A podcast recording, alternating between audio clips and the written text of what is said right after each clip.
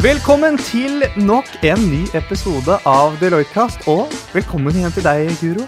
Ja, Tusen takk. Andre gangen ut nå, så begynner det å bli litt mer varm i trøya. Nå, nå liksom begynner du å komme deg inn i det. Ja, eh, Det blir eh, morsomt å kjøre på med ny en. I dag på norsk. 100% på norsk, Ja. endelig.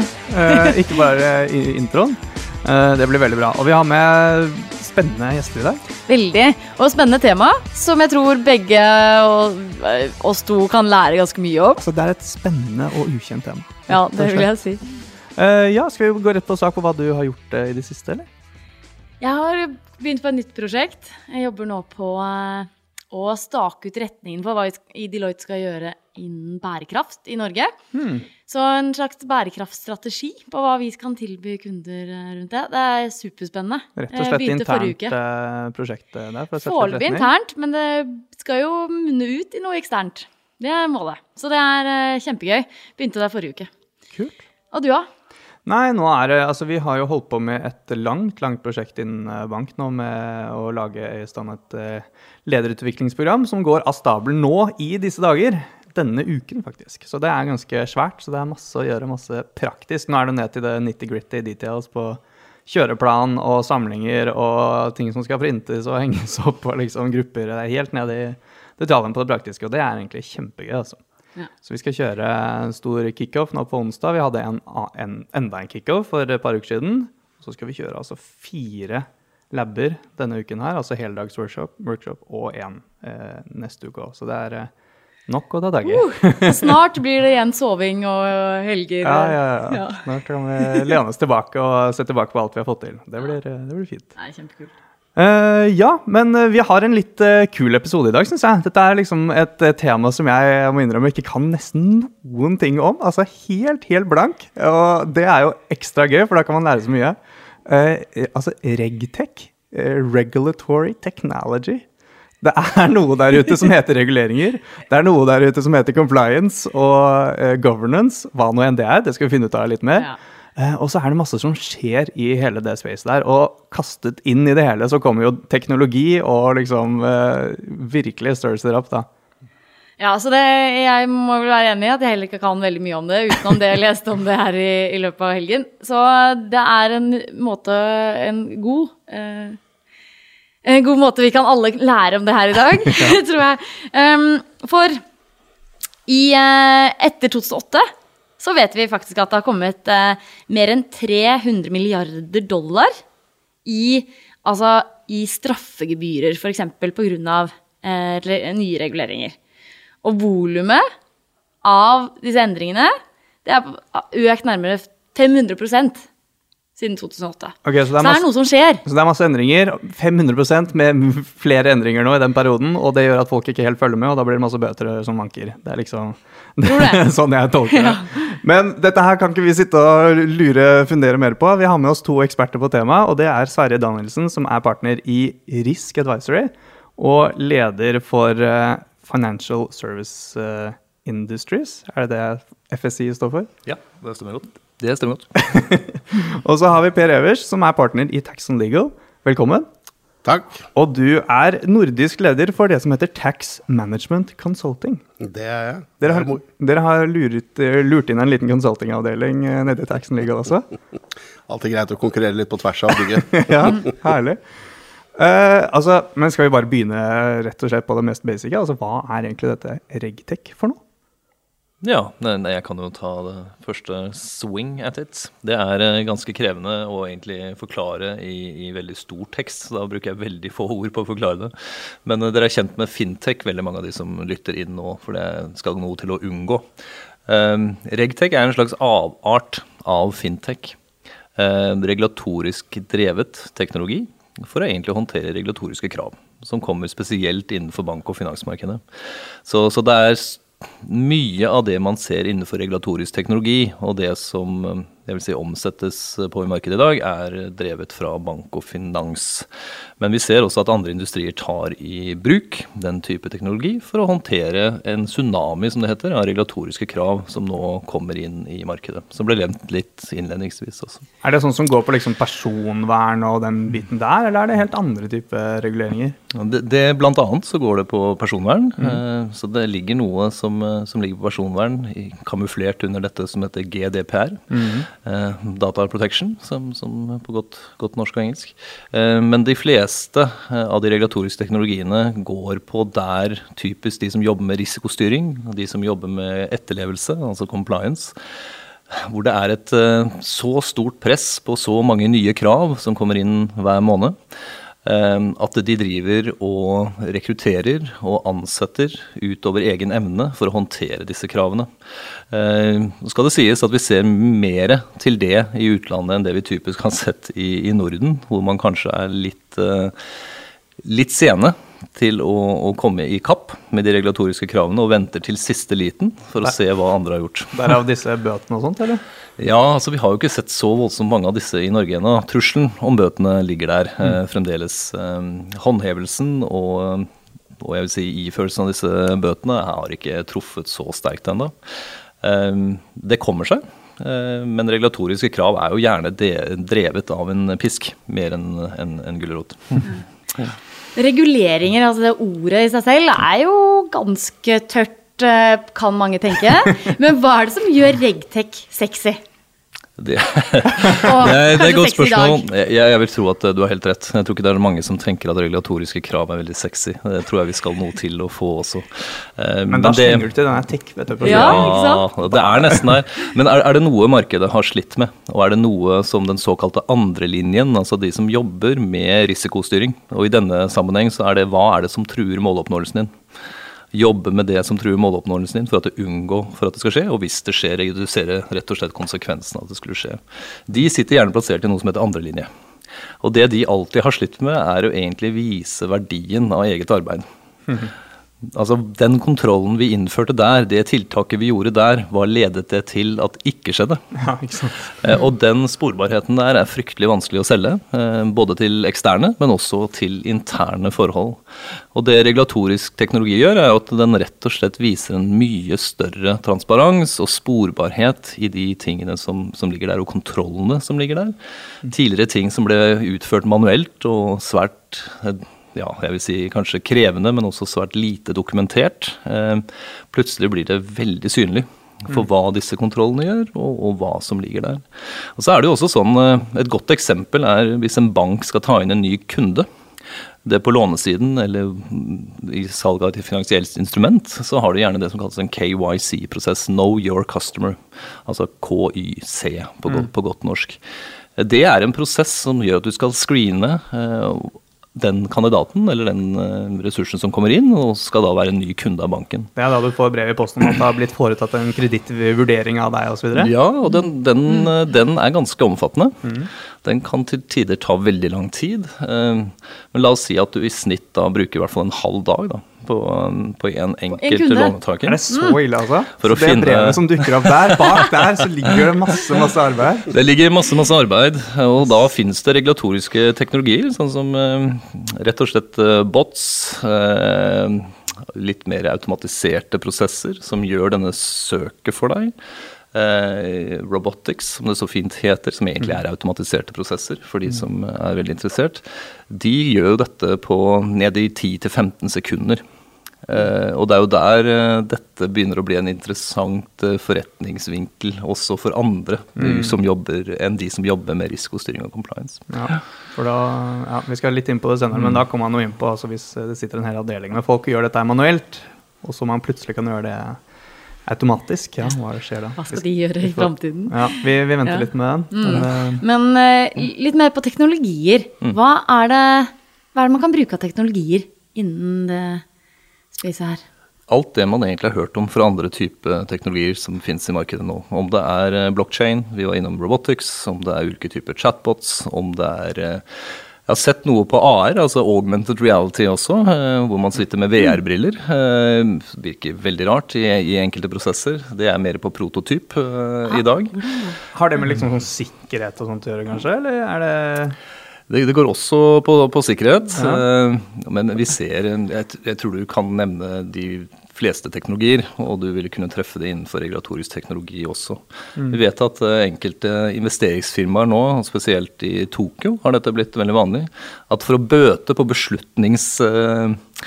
Hva skal Vi si, vi har jo litt sånn skjeve beslutninger innimellom. Vi tror vi, vi, vet, og så tar vi beslutninger også i ledergrupper. Mm. Her har de da innført uh, sånn lærende maskiner som sitter til stede i ledermøtene og er med å gi en eh, så langt som mulig objektiv beslutning man, i ledermøtene. Hva er det man feeder inn der eh, da? Ja, den feeder jo seg selv etter hvert, da, siden ja. det er en lærende maskin. Men, men, den legger et mye større beslutningsgrunnlag enn det vi selv klarer rent kognitivt å håndtere. Mm. Og så er jo vi, det gjelder sikkert oss fire rundt her også, vi er jo vi er preget av skjevheter i beslutningsgrunnlaget vårt. Mm -hmm. For vi har en historikk i det. Ja. Det vil også en lærende maskin ha, men den er i stand til å skille det mye bedre og gi et mer objektivt synspunkt. Så mm. de har rett og slett et eget styremedlem, et eget ledermedlem, som er en robot som sitter inne og tar beslutning med samme stemme, med like mye myndighet og like mye makt, vil jeg si, som en hvilken som helst annen representant i den ledergruppen. Det er ganske kult. Wow. Er det noe dere driver mye med i Tax Management Consulting òg, eller? vi har ikke kommet dit hvor vi har byttet ut mennesker i ledergruppen ennå, men vi har uh, utviklet en, en artificial intelligence-motor i Nederland som er i stand til å anslå sannsynlighetene for at man skal vinne en momssak i European Court of Justice. Og også på skattesiden skjer det mye ved bruk og adopsjon av nye teknologier. Mm. Hva er det man kan bruke de, den, altså, Om man vet om man vinner eller ikke, hva, hva kan det hjelpe til med?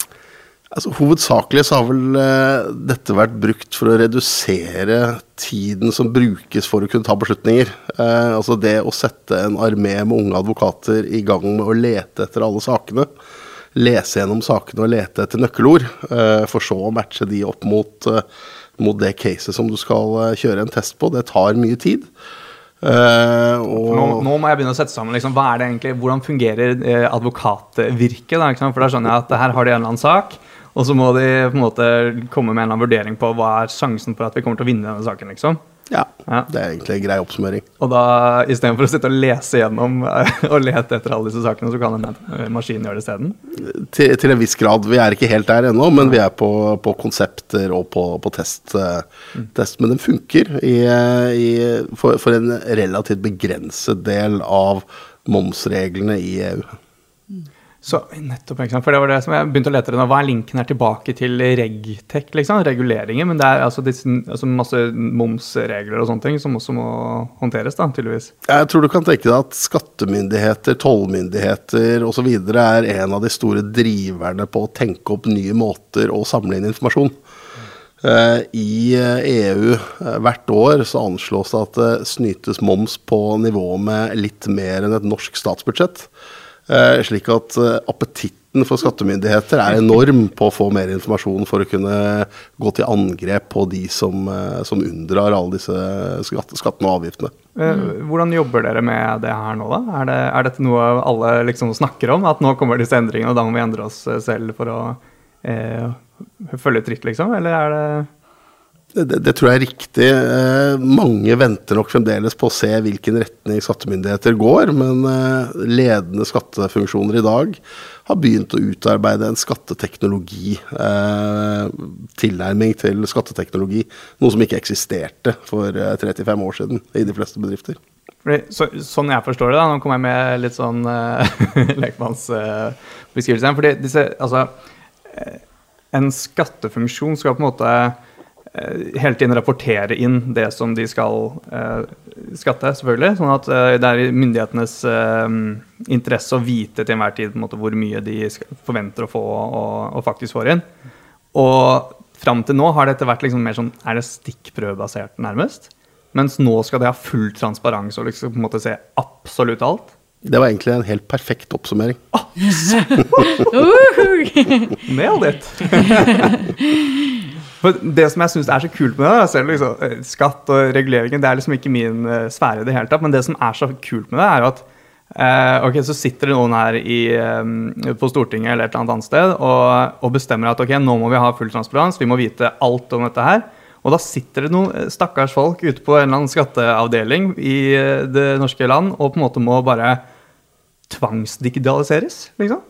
Plutselig, de har vært superflinke og gjort jobben sin i alle år og sjekka bilag og rapportert inn og kan alle reglene, liksom. Og så plutselig så bare må de bruke maskiner isteden, fordi det holder ikke. Ja, men det er helt riktig. Den gode, gamle ledgeren som min far satt og bladde i for 20 år siden, er offisielt begravet i Norge. Eh, I hvert fall om ca. ett og et halvt år. Men altså, alle disse reguleringene som da koster masse penger for hvis man skal bruke manuelle, altså bruke hoder til å følge alt sammen, det tvinger oss kanskje da til å innovere. Og, men mange av de organisasjonene dette treffer, har kanskje ikke så mye eh, historie for å Eller er kanskje ikke så vant til å ha mye forskning og utvikling internt, nødvendigvis. Hvilken rolle vil da bedrifter som oss, konsulenthus eller startups, hvilken rolle spiller det i Ja, jeg, jeg tror man er nesten avhengig av å spille på lag med de som ønsker den endringen internt. Fordi det vanskeligste er som sagt å, å nesten få godkjennelse eller anerkjennelse for løsningen internt, sånn at folk ser hva forskjellen er. Altså Dette er jo et område som er stort sett drevet mye av, Excel-like, spreadsheet, noe mer avanserte databaser. Og plutselig kommer det da et eh, Ikke et krav som sådan om å bruke regulatorisk teknologi, for det kravet finnes ikke ennå. Men eh, dette regulatorisk teknologi er jo omtrent den eneste løsningen for å kunne håndtere det omfanget. Så vi har jo en kunde som vi jobber med nå i Storbritannia, som er eh, en veldig stor bank. Eh, Og de må bruke denne type teknologier bare for å finne ut hva gjør vi i dag. Altså ikke, De tenker ikke fremover engang, de må bruke denne type roboter, nesten kunstig intelligens, for å egentlig gjøre rede for hva de har gjort de siste 20 årene. Hva de har gjort Fordi- da, hva da, eksempel? Det kan være alt av dokumentasjonshåndtering, kundeopplysninger, personvern, som vi var inne på tidligere. Det er kjempekrevende. Ja, fordi, Kartlegge dem. Selvfølgelig, fordi de, nå får de da klar om, eh, krav om å redegjøre for alle kundeopplysninger de har, og spesielt i banksetting, så du vil jo ikke at det kommer på avveie, liksom. Så at det ligger et eller annet sted i denne svære bedriften, og så må du finne ut hvor det er, liksom. Ja, Det er helt riktig. Og så, er det én ting som man skal eh, merke seg. Jeg, kan jo nevne et eksempel for denne banken her. Da. De skulle finne ut eh, De skal rapportere på hvilke kontroller de har, altså hva de har på plass for at ting ikke skal gå galt.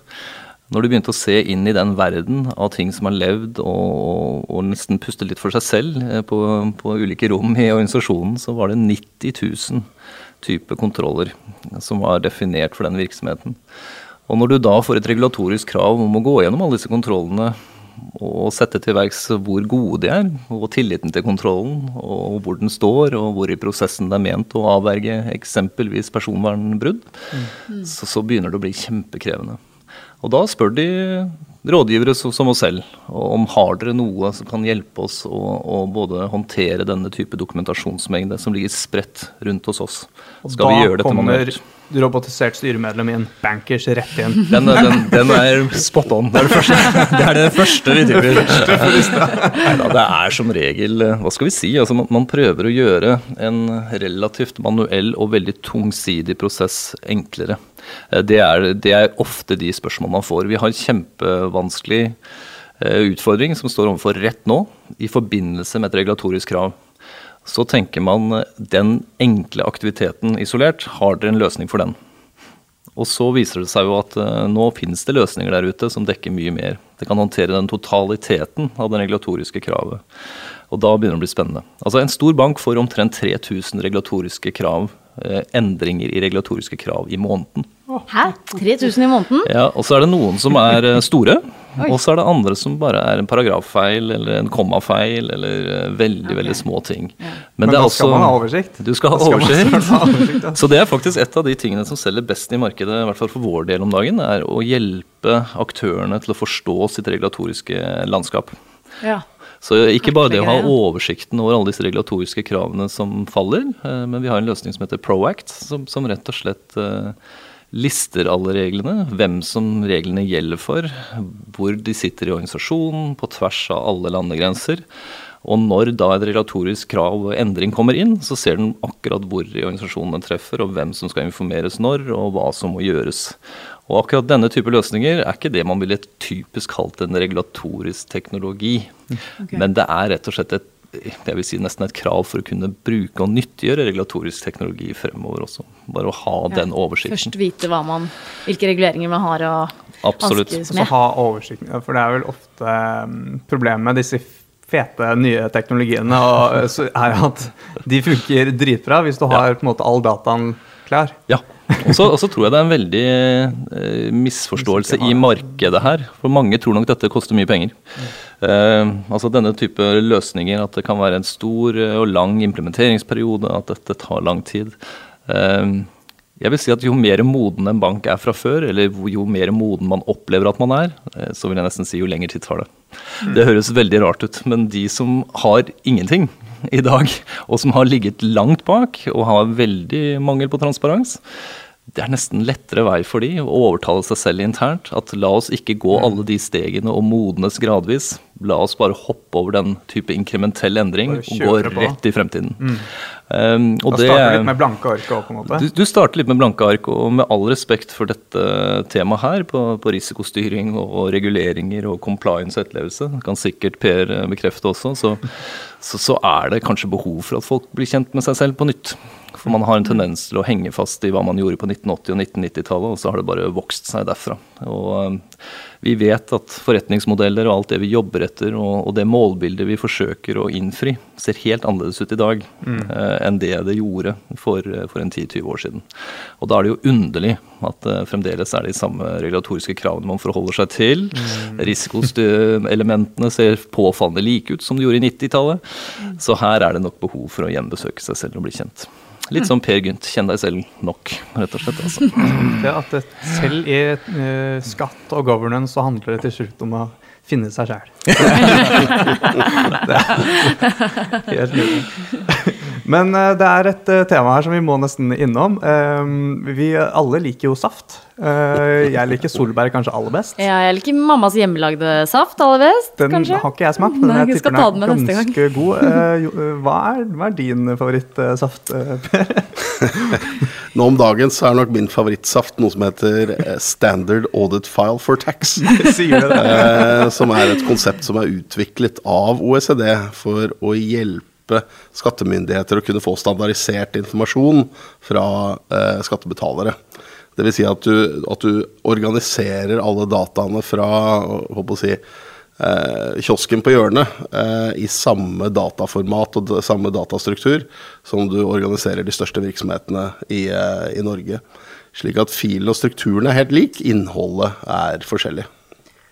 Er det et spesielt filformat, liksom, eller? Det er, et, det er, helt riktig. Så det er et uh, såkalt skema, eller schema på engelsk, uh, hvor du da har, har, struktur hvor du skal på en måte si her legger du alle kostnadene dine du har til konsulenter, her legger du alle kostnadene du har mm. til, til, kjøp av vin på, på, middager, her ligger alle kostnadene du har til investeringer i Eh, i eh, fabrikker og maskiner osv.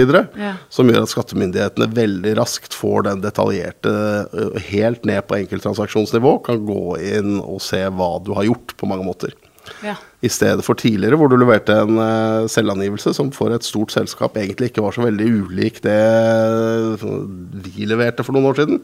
Altså at det var kanskje en, at du har en 100-200 tall som oppsummerer hele virksomheten. Så går du nå ned til at uh, skattemyndighetene får se på enkeltbilagsnivå uh, i en stor bedrift. Ja.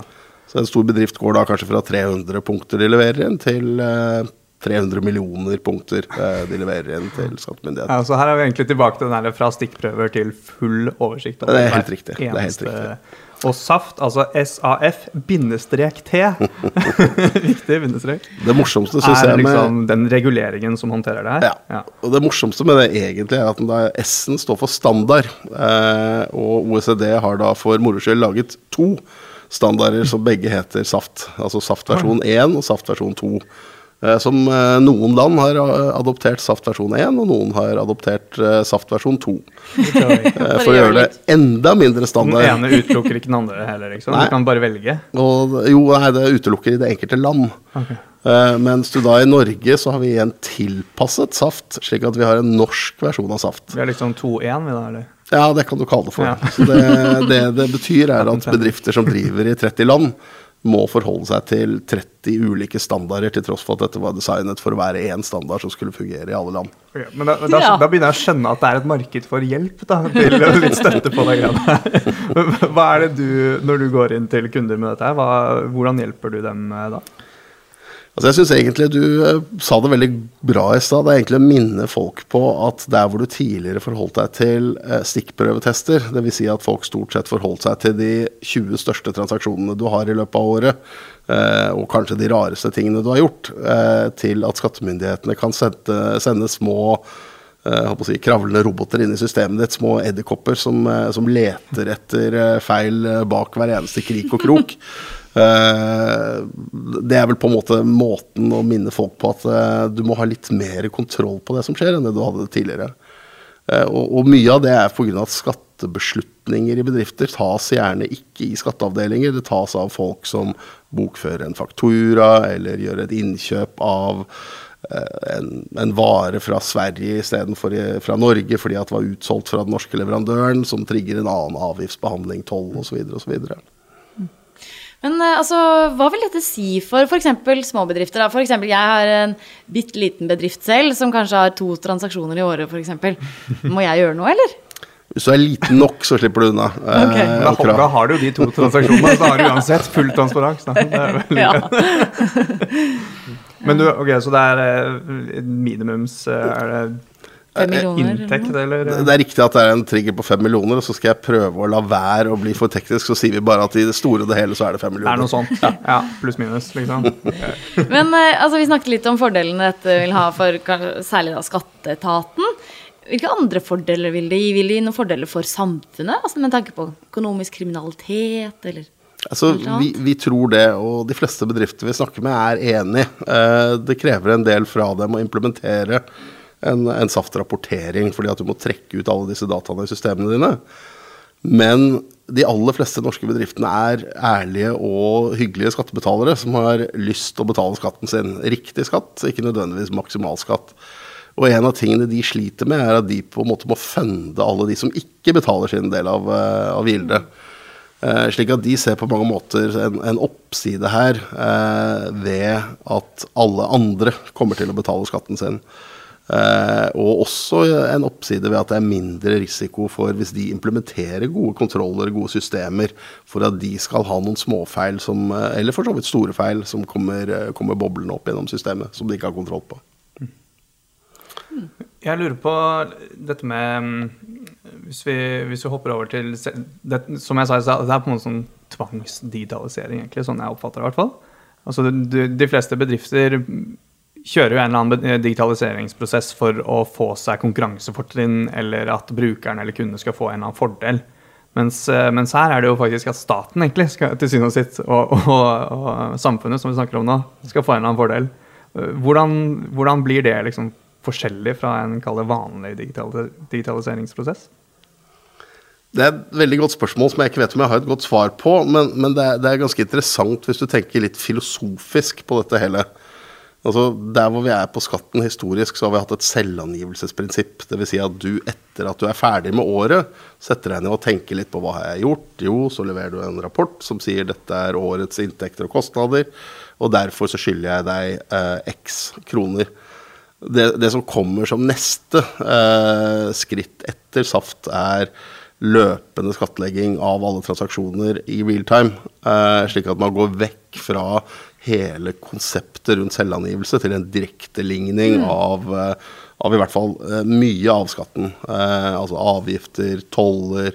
Eh, toller er vel et dårlig ord for øvrig, men eh, sukkeravgifter eh, og diverse andre løpende avgifter. Eh, som gjør at vi er i ferd med Altså du kan si at ja, skattemyndighetene har veltet investeringskostnaden over på bedriftene. Eh, mens bedriftene er samtidig med på å over tid kunne ta ut veldig mye av rapporteringskostnadene sine eh, fra budsjettene.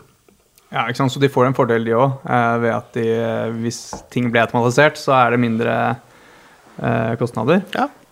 Da kan vi egentlig hoppe over på det temaet der, da. Altså mindre kostnader i, i når Robotene denne kommer. Ja, ikke sant? Det betyr jo gjerne at det er mindre kostnader fordi det er mindre arbeid som blir utført av noen.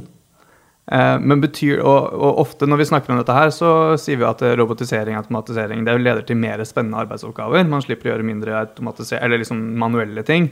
Man kan drive med mer strategiske eller analytiske oppgaver. Men gjelder det også her, eller er dette mer en ren kostnadskuttsgreie?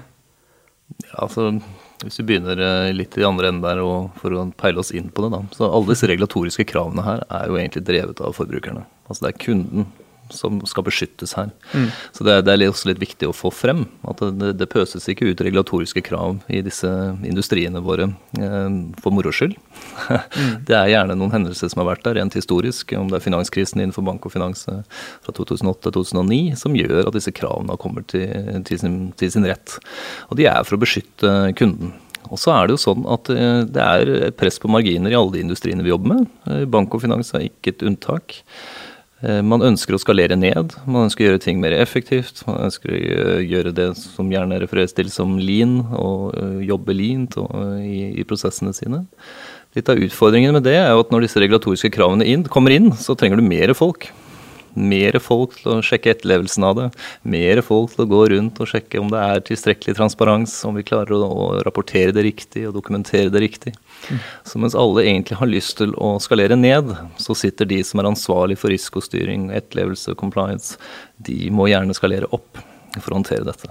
Jeg leste at Mm. 10-15% av verdens altså arbeidsstyrke er jobber med risiko og compliance. Stemmer det? Eh, Eller og hva? Åh, hvis jeg skal bli veldig For å ta Per sin vinkling her, da, sånn rent filosofisk, så håper jeg at 100% jobber med dette temaet. her. Eh, men, men, det er, men det er jo gjerne en genuin misforståelse at det er, de, det er den lille gruppen med mennesker i fjerde etasje som sitter og jobber med risikostyring og compliance.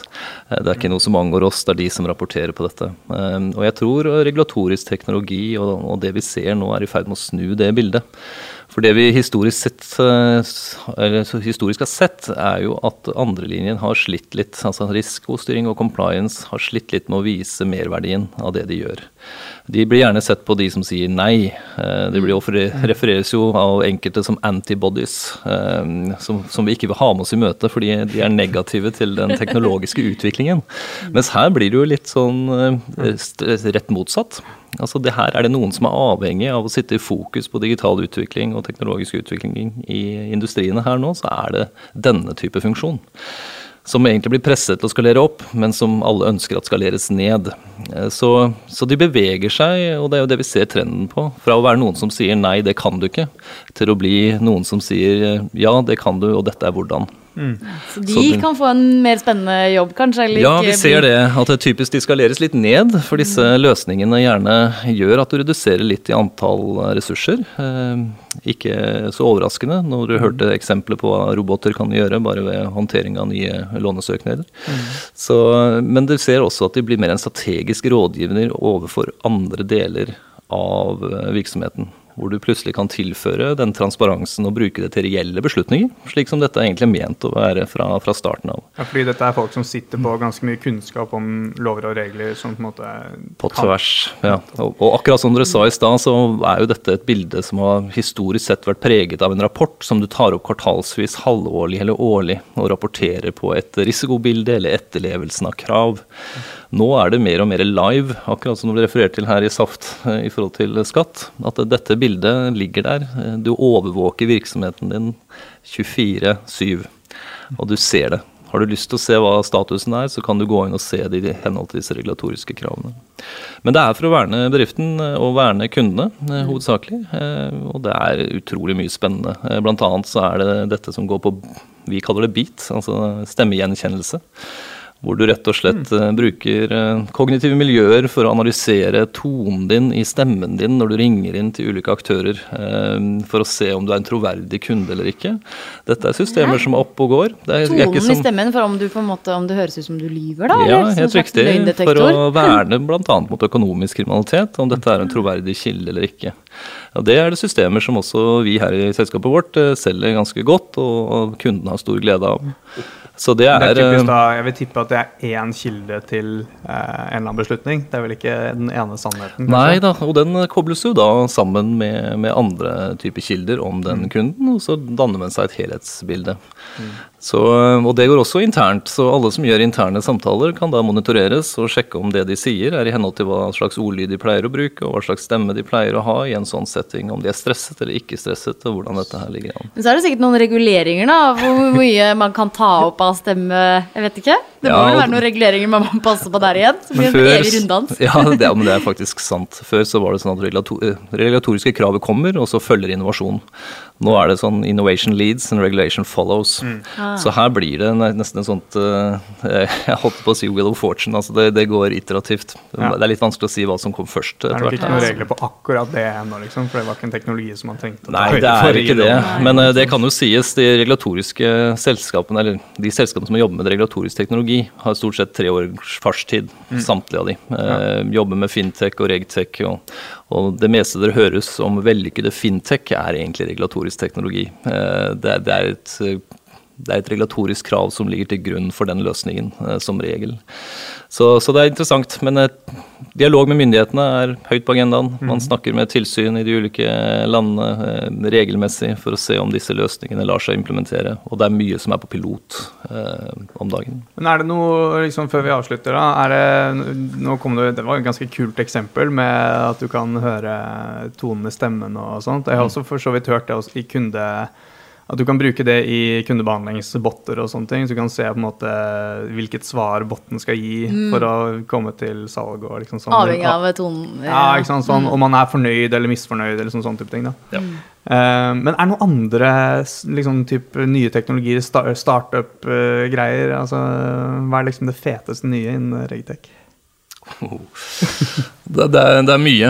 Jeg, tenker Hvis dere hadde spurt oss innledningsvis når vi startet denne samtalen i dag om hvor mange regulatoriske løsninger det er der ute, eh, Regtech-løsninger, så, så, har det kanskje økt med et par prosent mens vi har sittet her. Det, går, det, går, det virker nesten sånn. Eh, jeg spurte kolleger i, i det store Deloitte eh, for bare noen måneder siden, og da var det 24 Eh, piloter og løsninger som er implementert hos kunde.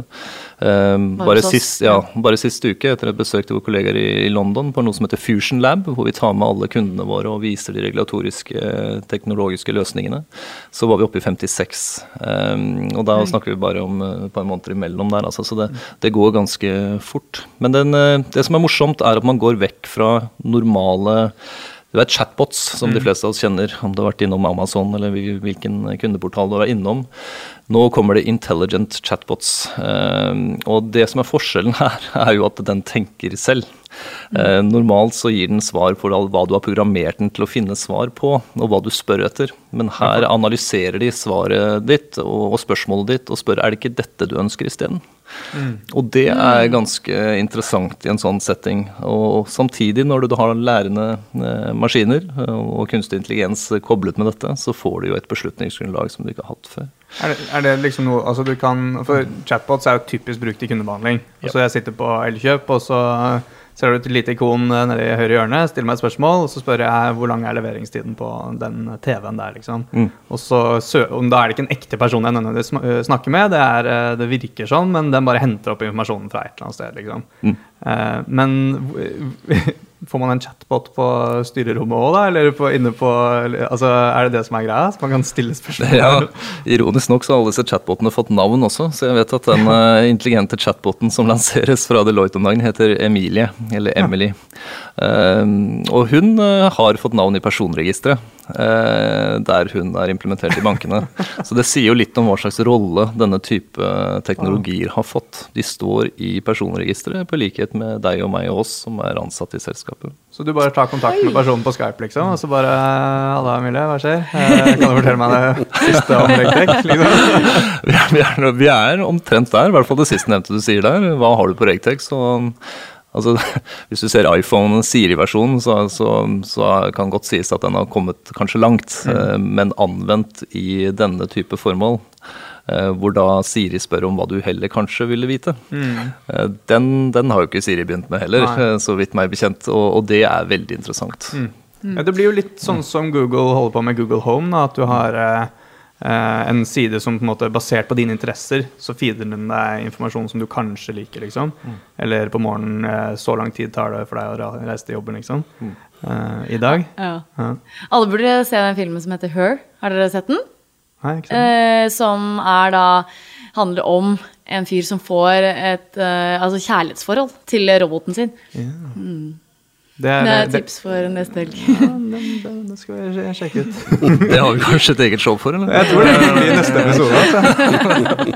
Altså. altså. Ja, det, var, det er en, eh, et uh, tema vi ikke kom inn på her nå. Vi skal ha en egen episode om det om ikke så lenge, nemlig blockchain. Er det noe, noe siste sånn Altså, det er jo et svært uh, tema, da. Men uh, som, som, kan gjøre at ting blir enklere å å håndtere data, rett og slett, eller håndtere informasjon, og at det blir sikkert og sånne ting. Altså, hvor er det hvor er det det kan eventuelt bli brukt? Vi kjenner jo til bitcoin og alt det der som er basert på blockchain, men uh, ja, Da kan jeg jo uttale at både jeg og Per her har sittet uh, utallige timer på dette kontoret og diskutert hvordan blockchain kan brukes i, i Saft mm. uh, i denne settingen her.